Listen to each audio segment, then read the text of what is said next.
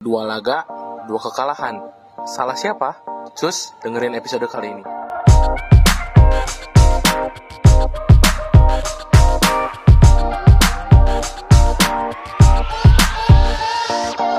Oke, selamat pagi, selamat siang, selamat sore, dan selamat malam teman-teman Abbas. Akhirnya kita kembali lagi mengudara setelah ya cukup cukup, cukup sebentar kita agak uh, jeda di episode sebelumnya. Seminggu, seminggu. Uh, seminggu ya, benar, seminggu. Dan sekarang episode ke 12. 100 uh, berapa berarti ya? 12, 12. berarti.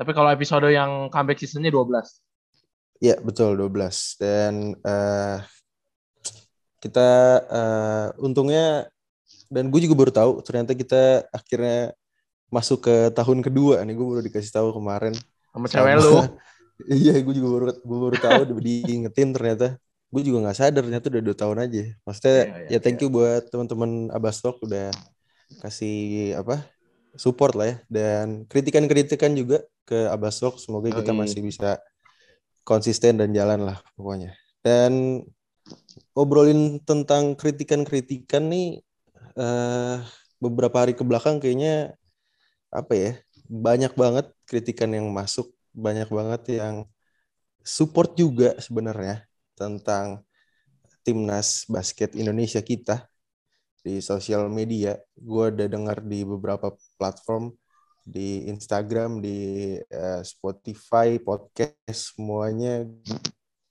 Gue udah denger uh, banyak orang, banyak teman-teman yang uh, apa ya kasih ulasan-ulasan. Kalau dari kita nih, kalau dari lu, Bu, Mm -hmm. uh, menurut lu gimana nih? Dua game kemarin apa ya uh, yang yang yang pengen lu sampein gitu? Unek-unek lu mungkin ya. ya. Uh, sebelumnya disclaimer dulu nih. Ini kita sebenarnya tag-nya kemarin sebenarnya pengennya waktu habis Arab Saudi. Tapi gara-gara nanggung. Gara-gara nanggung jadi kita bablasin sampai uh, habis lawan Jordania ya. Jadi biar sekalian lah gitu. Iya. Yeah. Uh, ngejawab yeah. pertanyaan betul, lu. Betul, menjawab pertanyaan lu unek-unek gue selama dua pertandingan kemarin ya siapa lagi gitu? Selain Lester Prosper ya mungkin uh, teman-teman semua juga kemarin banyak yang mungkin ada yang suka ada yang nggak suka juga sama postingan kita gitu. Kalau misalnya kemarin gue lihat sih kebanyakan sih ya banyak yang setuju sebenarnya sama sama apa yang terutama gue sih kemarin gue banyak yang ngepost kan. Uh, banyak yang apa setuju sama ya. Kalau ini Leicester nih sebenarnya uh, apa ya dibilang underperform juga di game melawan Arab Saudi mungkin ya kalau secara poin enggak ya. Cuma uh, secara attitude mungkin yang banyak kita sorot gitu. terutama terutama gue kemarin di Instagram di Insta Story kan. Kemarin gue banyak banget yang gue sorotin masalah attitude di lapangan uh, marah-marahnya dan malasnya itu sih sebenarnya yang uh, banyak gue sorotin gitu. Kalau misalnya dari permainan sendiri mungkin uh, ya seperti banyak yang udah diulas juga. Kalau misalnya kemarin di quarter 4 terutama Jordania itu salah satu uh, boleh dibilang penampilan terbaik timnas lah selama uh, mungkin di kualifikasi uh, Piala Dunia dalam empat atau lima pertandingan terakhir itu mungkin kuarter empat yang terbaik gitu dari uh, sebelum-sebelumnya gitu. Ya mungkin uh, ada ada faktor juga mungkin dari beberapa dari beberapa pemain yang baru debut di kasta yeah. internasional gitu. Jadinya yang ngasih dimensi sendiri sih kayak Yuda, Arigi, terus lalu uh, kita lihat juga kemarin Ali Bagir walaupun mainnya masih sedikit tapi ya kasih menit juga. Ya itu sebuah kalau bisa dibilang sebuah yeah. terobosan lah untuk uh, apa timnasnya era Coach Toro ini gitu. Dan bisa dibilang yeah, juga yeah. Uh, Abraham Damagrahita ya tetap menjadi salah satu pemain yang uh, paling penting ya di timnas saat ini gitu. Ya itu mungkin unek-unek gue sih ya. Tadi udah gue sebutin juga ya Leicester doang. Paling sisanya sih ya namanya ekspektasi kita nggak boleh ekspektasi terlalu tinggi sama timnas gitu. Itu adalah hasil terbaik mereka gitu kalau menurut gua. Jadinya kalau masalah hasil sih kalau gua sih emang tidak tidak mengharapkan mereka menang dan bisa compete uh, selama pertandingan sih. Mungkin kemarin hanya satu dua kuartal aja itu udah sesuai ekspektasi gua sih kalau gua. Gitu sih kalau gua. Kalau lu gimana?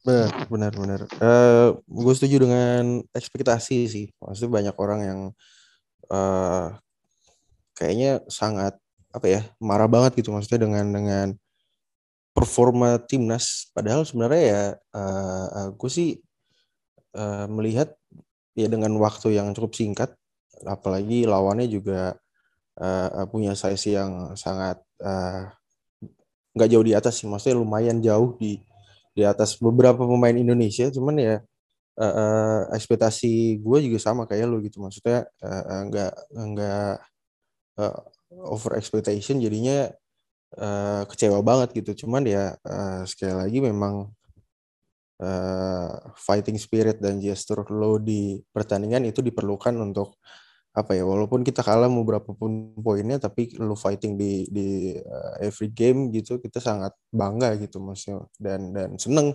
yang ngelihat timnas kita bermain gitu kan tapi ya uh, gue ngelihat ketika lawan uh, Arab Saudi di pertandingan pertama. Uh, apa ya banyak banyak ini sih banyak uh, PR-nya uh, di uh, efisiensi terutama dan di size juga. Tadi seperti yang lu bilang gue rasa memang uh, gue setuju dengan uh, Kak, Kak Ujo dan Kak Augi yang sempat dibahas di podcastnya kemarin bahwa memang Indonesia belum berada di level di level Asia. Dan gue setuju dengan uh, pendapat mereka soal uh, apa ya secara efisiensi. Uh, kita dulu memang punya beberapa spot shooter dan sekarang gue rasa memang uh, basket juga berubah. Jadinya memang harus semuanya bisa nembak dan mereka membutuhkan itu gue rasa di pertandingan-pertandingan selanjutnya ya. Uh, semua semua pemain harus harus bisa nembak kapan pun itu dibutuhkan karena ya ya seperti yang tadi gue bilang uh, basket juga berubah zamannya cara bermainnya dan segala macamnya. Dan gue rasa uh, banyak banget PR-nya dan gue rasa coach Toro dan staff dan uh, manajer juga uh, Jeremy juga melihat hal itu uh, sehingga di game kedua ketika lawan Jordan juga dia memberikan minute play kepada pemain-pemain muda dan kita juga sama-sama seneng pastinya walaupun ada uh, quiet performance dari uh, uh, sorry dari Agassi dan Pras yang uh, poinnya sangat kecil Agassi kalau nggak salah nol poin ya uh, Pras tuh kalau nggak salah cuma dua yang sangat disayangkan juga. Gue harap memang uh, ya semua semua pemain pasti ada ada bad game-nya lah. Cuman ya gue rasa nggak nggak berlangsung lah, nggak jangan berlangsung lama. Gue rasa mereka pastinya juga membenahkan diri juga. Dan Leicester juga di situ gue setuju dengan lo soal gesture dan segala dan dan uh, fighting spirit dia di lapangan itu juga agak kurang sih sebenarnya ya. Cuman ya gue harap uh, uh, apa ya jadi pembelajaran aja sih ke depannya gitu sih iya, dan ya, ya, ya. menurut ya. gue uh, uh, sempat ada pembahasan kan ya uh, bareng uh, coach Ito juga uh, di di podcast pemain cadangan itu tentang uh, size matters tapi kalau gue melihat apa ya Filipina ya kemarin itu melawan India dia bisa compete melawan beberapa tim Asia dia masih bisa compete yang sebenarnya size-nya nggak jauh beda gitu sama kita pastinya kan. Dan dan menurut lo gimana? Memang apa kita butuh Leicester yang lebih banyak lagi? Atau sebenarnya iya pemain lokalnya yang harus step up gitu loh? Gimana ya. menurut lo? Iya, gue sempat ngobrol sama Kak Wiwin ya uh, setelah pertandingan waktu lawan uh, Jordania ya. Kak Wiwin tuh yang belum tahu Cokoda ya, Cokoda Raka, ya. uh, mantan pemain Satria Muda dan mantan pelatih Satria Muda juga, mantan pemain level tim nasional gitu gue ngobrol ya. sama dia e, kak ini kan ya mungkin Leicester Prosper gue dibilang e, ya penampilannya tidak sesuai ekspektasi kita gitu dan mungkin juga bukan bukan orang tinggi yang kita butuhkan dan yang yang kita perlukan sebenarnya gitu kalau Leicester tuh dari cara mainnya gitu. Nah, gue sempat nanya ke Kak Wiwin, Kak apakah kita perlu ya balik lagi ke zaman dulu uh, full lokal aja semua gitu. Toh kita full lokal aja kita 2015 kita dapat SEA Games perak gitu. 2017 kita dapat uh, SEA Games juga perak gitu. Di 2019 justru kita setelah pakai naturalisasi justru kita gagal gitu kan uh, dapat uh, medali gitu. Kalah sama Vietnam bahkan gitu. Oke okay lah kita let's say kita ngomong uh, basket berubah semakin modern, semakin uh, ini gitu. Cuma kalau kita ngelihat uh, talenta-talenta muda kita sebenarnya ya banyak juga yang lebih bagus dari ya Leicester gitu kita bisa bilang ya dari dari, dari segi uh, bermain gitu masih banyak yang lebih bagus gitu kalau menurut gua sih kalau misalnya ngomongin size meter ya kita harus manfaatin sumber daya sih sumber daya manusia ya dibanding kita ngeluarin duit banyak dengan kontrak yang bisa dibilang juga cukup mahal juga Leicester Prosper gitu tapi hasilnya tidak maksimal gitu. Mendingan kalau menurut gua kalau misalnya emang kayak konsep size meter kita banyak loh gitu kayak sumber daya sumber daya manusia yang kayak uh, di Papua atau misalnya anak-anak yang kayak model-modelan uh, Derek yang punya keturunan gitu. Menurutku sih banyak gitu gimana tinggal kita uh, mengolahnya aja gimana gitu. Nah untuk pertanyaan lu tadi untuk uh, apa kita perlu banyak uh, pemain-pemain tinggi seperti Leicester ya jelas butuh kalau menurut gua ya asal catatannya jangan kayak Leicester kalau menurut gua itu aja kalau saya sih perlu banget ya kalau lu ngebandingin sama Filipina ya mungkin mereka nggak tinggi tinggi tapi kan beberapa yeah. beberapa pemain uh, mayoritas juga punya tinggi yang boleh dibilang di level internasional dan levelnya pun hmm. cara permainan pun udah udah levelnya udah level Asia lah gitu. Jadi ya eh, apa cukup cukup eh, jomplang juga kalau kita bandingin sama Filipina gitu. Dan ini ya ini satu satu mungkin mungkin basic tapi menurut gua ini salah satu eh, apa ya poin kunci kalau misalnya next kalau kita mau naturalisasi pemain ya. Mungkin satu pertama adalah cari yang emang uh, sesuai sama yang kita inginin gitu pemainnya. Jangan kayak Leicester mentang-mentang misalnya deket sama Costoro atau sama siapa gitu. Benar-benar kita udah yang penting tinggi aja gitu. Jangan satu itu ya. Kedua, ini pemain harus bermain di level klub kan. Ini Leicester ini sebenarnya menurut gua kenapa dia jam terbang jalan dan mentalitasnya uh, ya apa ya marah-marah lah bad mood ini itu gitu. Menurut gua gara-gara dia uh, di level klub pun setahu gua di level klub dia tiga tahun terakhir bareng timnas dia tuh cuma sekali dan sama Meksiko waktu itu. Itu pun dia cuma empat pertandingan gitu sama sama si Meksiko gitu. Makanya sama tim Meksiko gitu. Makanya ini harus diperhatikan juga sih. Uh, nanti kalau misalnya next mau naturalisasi pemain atau mau mencari pemain-pemain tinggi pemain-pemain tuh harus ya at least dia berkompetisi juga lah di level uh, di level nasional gitu.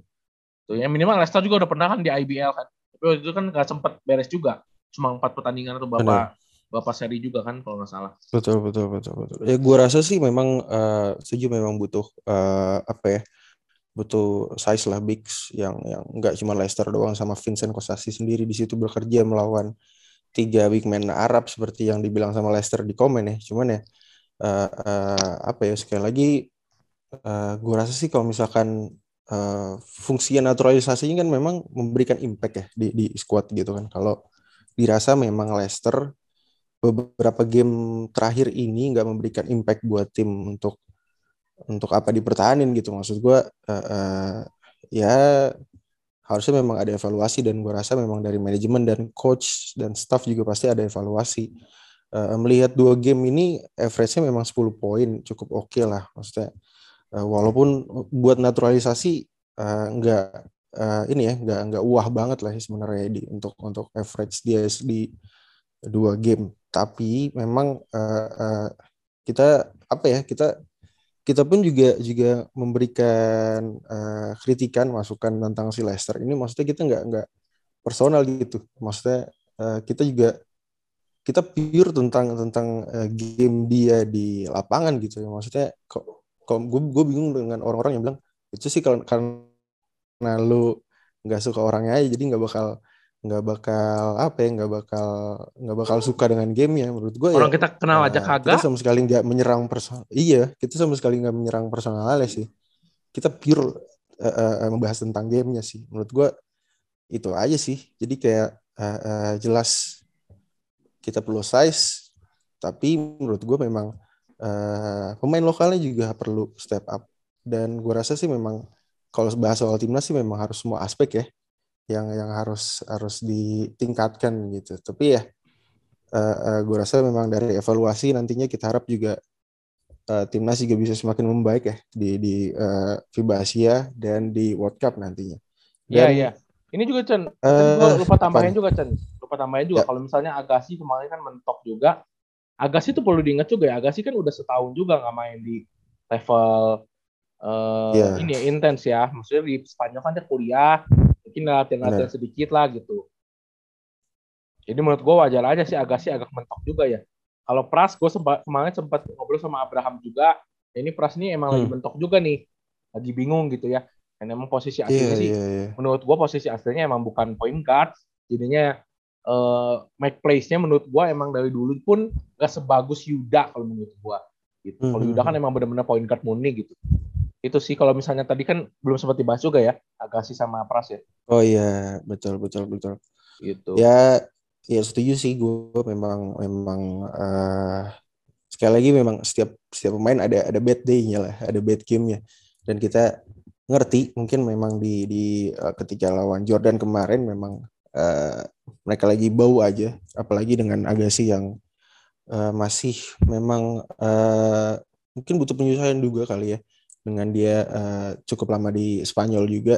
Dan Paras juga memang memang mungkin lagi bad day-nya. Dan dan kebetulan memang Jordan sangat siap dan uh, punya size juga guard-guard dari Jordan. Mungkin itu yang menghambat kedua uh, guard starter dari timnas ini sedikit kesulitan kesulitan di di uh, field goal percentage sih. Uh, tapi ya menarik gue tadi lu sempat sempat singgung tentang uh, apa ya tentang Abraham gitu. Dia sangat step up di uh, game terakhir khususnya ya. Dia sangat step up. Gue melihat uh, selain Abraham ada Jawato yang juga step up. Gue melihat apakah uh, Abraham ini harusnya mengikuti jejak dari Jawato nih untuk bermain di liga luar. Kalau kalau menurut lu gimana? Ya uh, waktu itu kan sempat Abraham tuh ada rumor mau main di Belik ya di Jepang gitu. Yes. Nanti gue nggak tahu sih kelangsungannya gimana, tapi setahu gue ya emang kalau levelnya Abraham yang emang uh, mindsetnya udah udah bener gitulah sebagai atlet gitu. Hmm. Menurut gue sih emang harus main di luar ya. Ya yeah. bukan masalah bukan masalah jam terbang kayak misalnya Jawato mungkin nggak dapat menit bermain tapi di luar ya gitu ya walaupun dia main di luar tapi nggak dapat menit bermain tapi setidaknya kalau menurut gua pemain-pemain kayak Abraham ini eh apa ya mencoba lah mencoba at least latihan sama pemain-pemain yang levelnya satu atau dua di atas kita lah gitu. Kalau misalnya pengalaman bertanding mm -hmm. mungkin mungkin agak berat ya kalau kita ngelihat size Abraham ya. Uh, yeah. Terus kalau kayak Jawato aja di di, di apa di Liga Jepang kan iya nggak main gitu.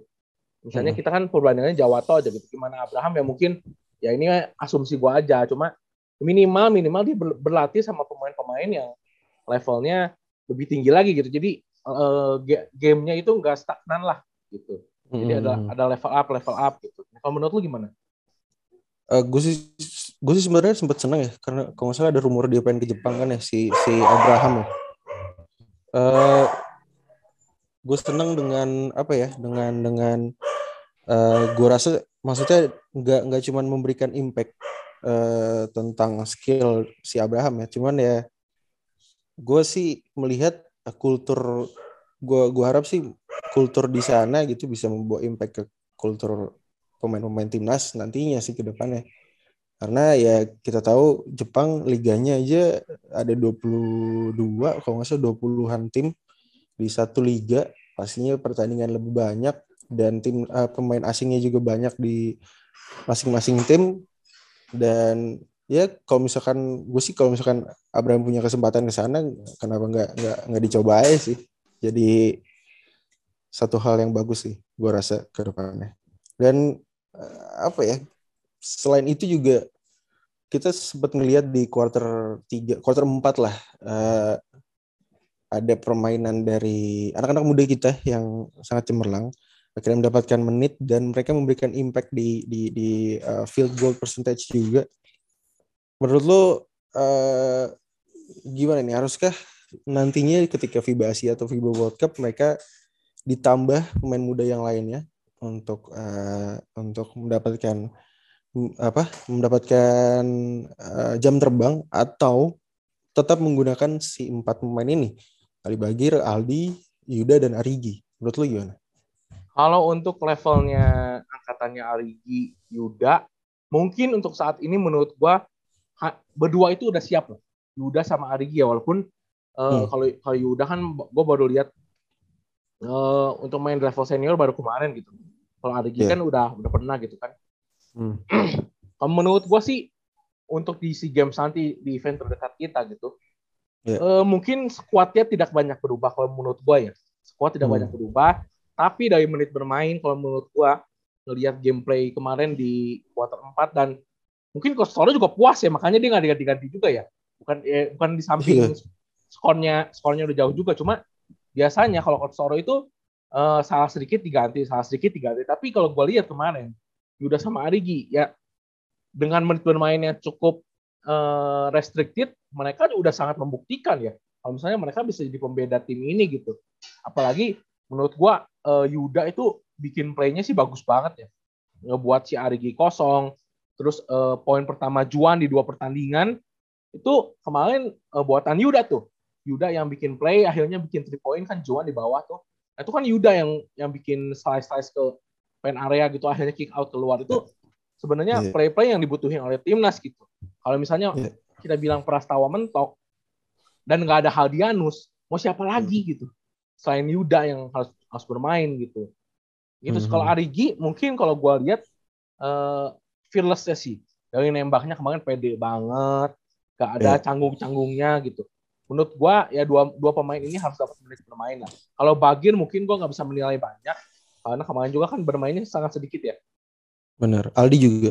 Ya Aldi juga sangat sedikit jadi belum bisa nilai lah. Gitu hmm. Itu sih. Ya ya ya. ya. ya gue rasa uh, uh, untuk FIBA Asia nanti perlu dibawa sih memang ke, ke empat pemain ini lagi ya. Karena memang uh, perlu buat jangka panjang. Ataupun Derek juga bisa masuk nantinya di FIBA Asia atau FIBA World Cup. Karena memang size juga uh, uh, cukup membantu di di forwardnya pastinya.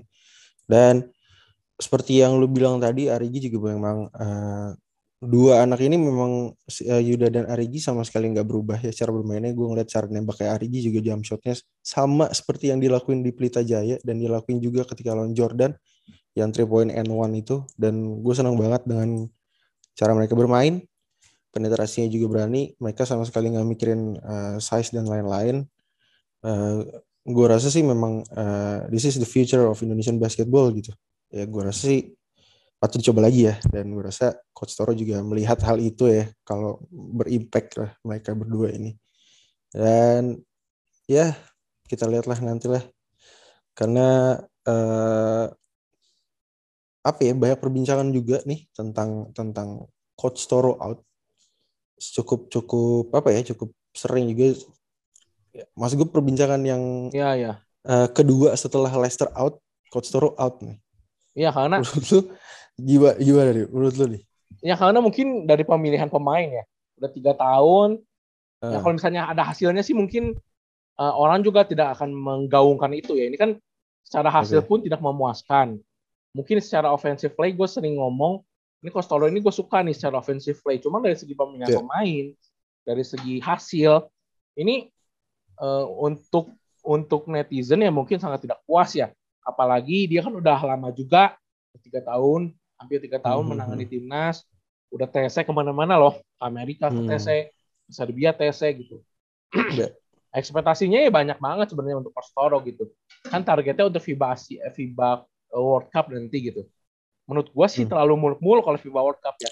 Si Games dulu aja deh. Ini kalau si Games sampai nggak dapet, uh, yeah. sampai nggak dapet nih, ya mungkin udah selesai kalau menurut gue.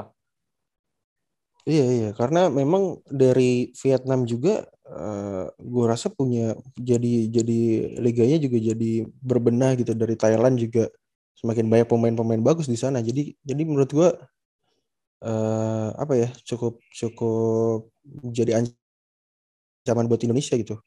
Uh, dan gue rasa Coach Toro sih melihat perbincangan uh, di beberapa platform media gitu ya bahwa dia udah pernah menangani beberapa klub di Filipina kalau gue nggak salah bisa dikoreksi kalau gue salah. Uh, banyak yang bilang kalau dia di Filipina tuh dan Indonesia beda gitu. Uh, pemain-pemainnya di Filipina mungkin pemainnya sudah dengan fundamental yang siap, skill yang skill yang cukup gitu. Jadinya Coach Toro sangat enak untuk melatih uh, tim tersebut gitu. Berbeda dengan Indonesia yang kita rasa sih uh, fundamentalnya juga perlu diperbaiki gitu. Makanya uh, memang uh, ada evaluasi sih di situ sih. Dan dari pemilihan pemain setuju.